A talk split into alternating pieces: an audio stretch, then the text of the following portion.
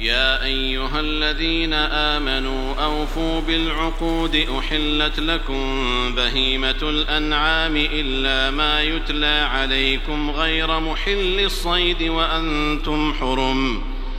إن الله يحكم ما يريد. ذكر أن الكندي الفيلسوف المشهور قال له أصحابه يوما وهو جالس معهم أيها الحكيم اعمل لنا مثل هذا القرآن. قال نعم أفعل ذلك.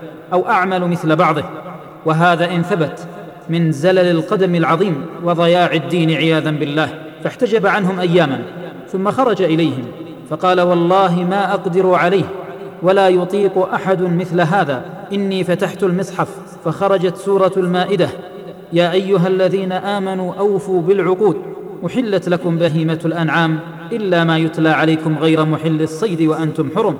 إن الله يحكم ما يريد فنظرت فيها فإذا هو قد أمر بالوفاء ونهى عن نكث وحلل تحليلا عاما ثم استثنى استثناء بعد استثناء ثم أخبر عن قدرته وحكمته. كل هذا في سطرين ولا يستطيع أحد أن يأتي بهذا إلا في أجلاد أي في أسفار أي في مجلدات. انتهى كلامه. فتأمل أيها المؤمن بربه كلام ربك سبحانه وتعالى في سطرين فقط.